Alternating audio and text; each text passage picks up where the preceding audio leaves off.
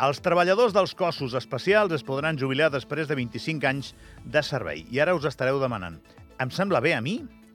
Doncs per què no? És gent que té feines que no tenen horaris i que els poden col·locar en situacions extremes. Potser a Andorra no tant com en d'altres llocs, però és evident que si vas a fer de poli o de bomber és probable que et puguis trobar involucrat en situacions perilloses en què la bona feina de polis i bombers pot salvar vides. I aquesta darrera línia de defensa del país sempre necessitarà gent que tingui vocació.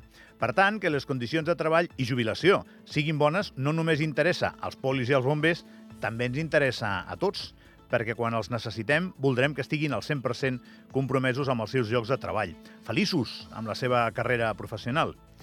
El problema en aquests casos sempre és el mateix i, i, i dura doncs, des de la nit dels temps, pràcticament.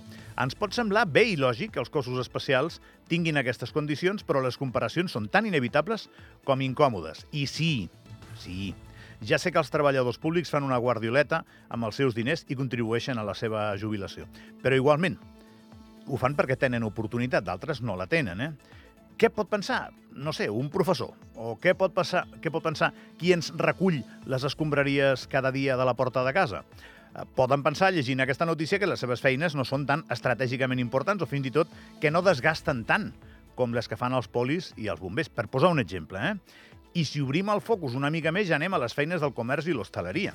I en aquí ja hi traiem la perillositat, que és obvi que no n'hi ha, però contesteu-me la pregunta. Una persona que treballa 25 anys d'en peus 8 hores al dia, 5 dies per setmana, igual també podria mereixer una consideració especial. O no? A més, des del punt de vista estratègic, no hi ha res que ho sigui més en aquest país que el turisme.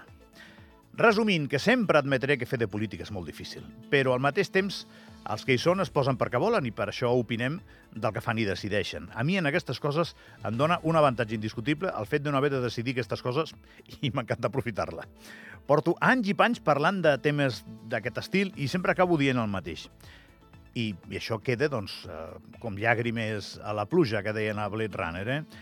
Els treballadors han de ser tots iguals mateixos drets, mateixes obligacions, privats i públics.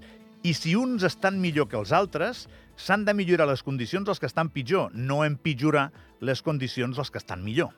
Però vaja, abans tu i jo veurem les vaques volar que veure resol aquest tema.